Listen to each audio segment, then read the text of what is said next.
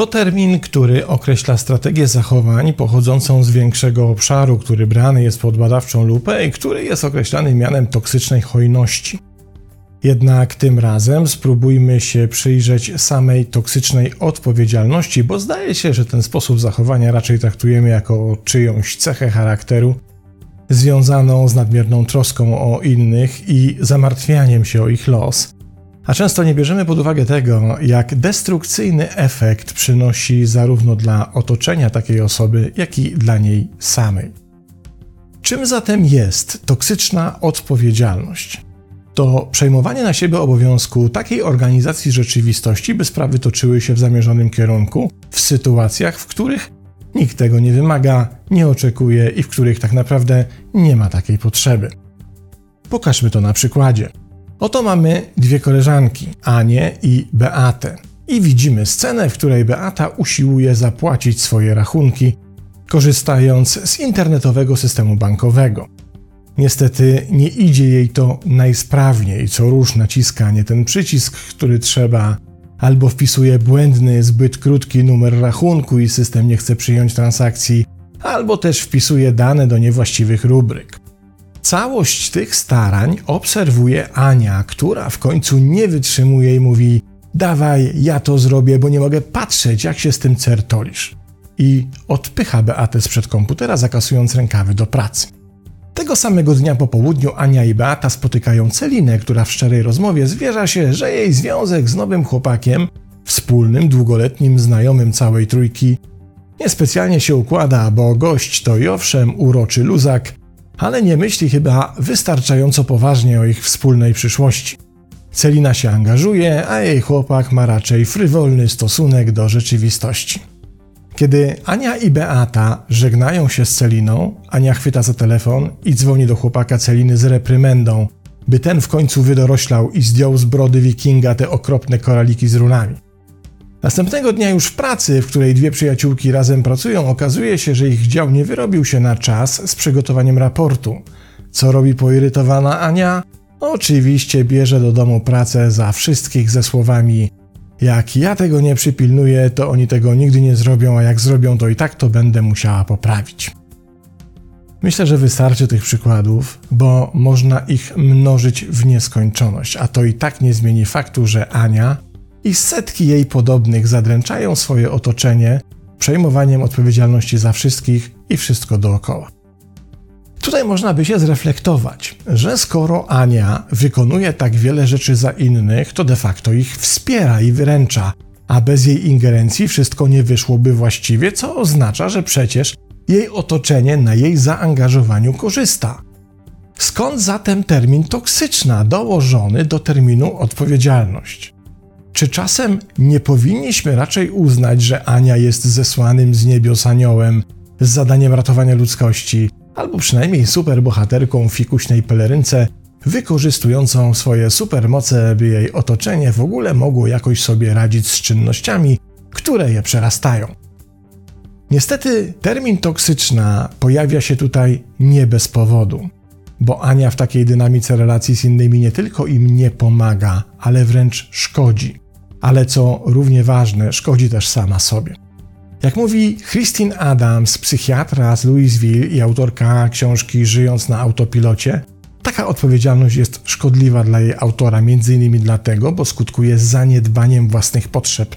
A dla odbiorcy tego typu zachowań jej szkodliwość polega na zaspokajaniu potrzeb, które odbiorca może i powinien zaspokajać samodzielnie. Przyjrzyjmy się tym aspektom wywieraniu negatywnego wpływu na innych oraz na samego siebie. W tym drugim obszarze osoba toksycznie nadodpowiedzialna usiłuje w ten sposób obniżyć emocjonalne napięcie, które wynika z dość zadziwiającego mechanizmu, na co zwraca uwagę inna autorka, dr Ellen Cohen z Uniwersytetu Barego. Otóż napięcie pojawia się w momencie, w którym dana osoba nie radzi sobie z akceptacją tego, że ktoś inny ma prawo doświadczać swoich własnych emocji w swój indywidualny sposób. Zamiast tej akceptacji pojawia się najpierw zazwyczaj nietrafiona diagnoza uczuć, a w jej efekcie napięcie wynikające z silnej potrzeby ich korekty. Pokażmy ten schemat na przykładzie. Oto siedzisz sobie przy biurku i w ramach odsapnięcia od komputera bierzesz się za sklejenie rozłażącej się książki. Niestety nie masz zadatków na introligatora, ale książka to twoja ulubiona powieść, przy której zrywałeś czy zrywałaś ze śmiechu boki jeszcze w czasach szczenięcych. Masz taśmę klejącą, nożyczki i zapał wynikający z sympatii i sentymentu do tej lektury. I nagle obok pojawia się toksycznie odpowiedzialna osoba, która widząc twoje zabiegi operowania taśmą i pęcetą prawie wyrywa ci tę książkę z rąk, mówiąc Bierzesz się za to źle i jedynie to jeszcze bardziej zepsujesz. Dawaj, bo nie mogę znieść, jak się z tym męczysz. Zwróćmy uwagę, co się pojawiło w tym komunikacie. Otóż osoba toksycznie odpowiedzialna sama wyjawia przyczyny swojej ingerencji, mówiąc, że nie może znieść tego, jak się z tym męczysz. Z jednej więc strony widzimy, że nie radzi sobie z wewnętrznym napięciem, stąd komunikat nie mogę znieść, a z drugiej strony zakłada nieomylność swojej diagnozy dotyczącej tego, co obecnie dzieje się w Twoim wnętrzu. Stąd komunikat się z tym męczysz. A przecież ta czynność, i owszem, może nie wyglądała na super profesjonalną, ale wcale nie była dla ciebie męką. Nie towarzyszyło jej żadne wewnętrzne napięcie. I tutaj otrzymujemy ważny trop. Osoba toksycznie odpowiedzialna projektuje na swoje otoczenie te same napięcia, z którymi sama sobie nie radzi i usiłuje znaleźć ulgę w rozwiązaniu problemów za kogoś. To właśnie schemat, którego fundamentem jest branie odpowiedzialności za to, jak się czuje druga osoba, by przejąć kontrolę nad jej napięciem. Problem w tym, że tak naprawdę nie ma żadnego napięcia w drugiej osobie, a jedynym napięciem jest to, z jakim zmaga się osoba toksycznie odpowiedzialna. To trochę tak, jakbyśmy wyobrazili sobie kogoś, komu zimno w uszy, więc żeby sobie z tym dyskomfortem poradzić, nakłada wszystkim spotkanym po drodze ludziom na głowy wełniane czapki, uznając, że im na pewno też jest zimno w uszy. Jednak jak się okazuje, ta strategia nie działa, bo mimo nałożenia czapki na obce uszy, we własne dalej jest zimno. No więc, by pokonać ten dyskomfort, czapkę nakłada się kolejnej osobie. I tak trwa ten festiwal czapkowania bliźnich bez końca. Jak widzimy, ten mechanizm odsłania błąd popełniany przez osoby toksyczno odpowiedzialne, w którym przypisują swoje emocjonalne zmagania innym, błędnie rozpoznając cudze emocje.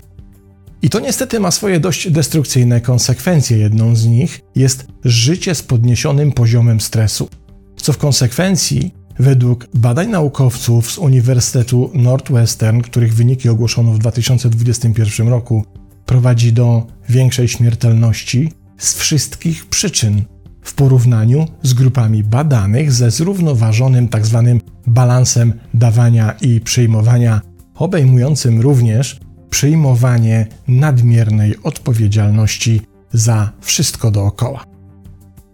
Trudno dzisiaj jednoznacznie wskazać przyczyny takich zachowań.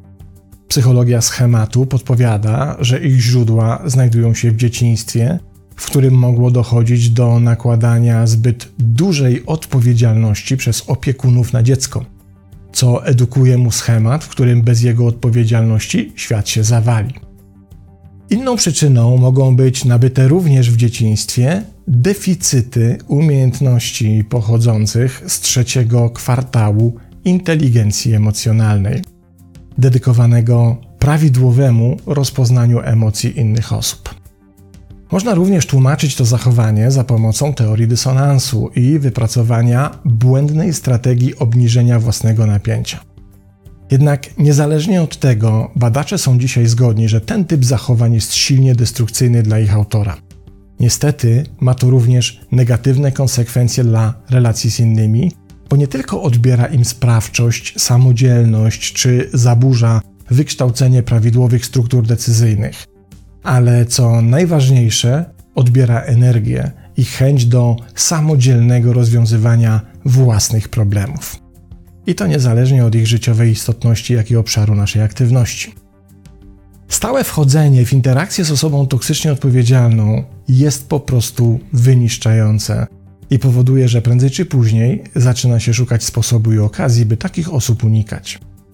A najgorsze, co możemy zrobić, to uznać, że ktoś tak po prostu ma. I machnąć ręką, przyjmując, że to wprawdzie wkurzająca, ale przecież cecha charakteru, z którą nic nie da się zrobić. Da się i nie ma co zwlekać. Pozdrawiam.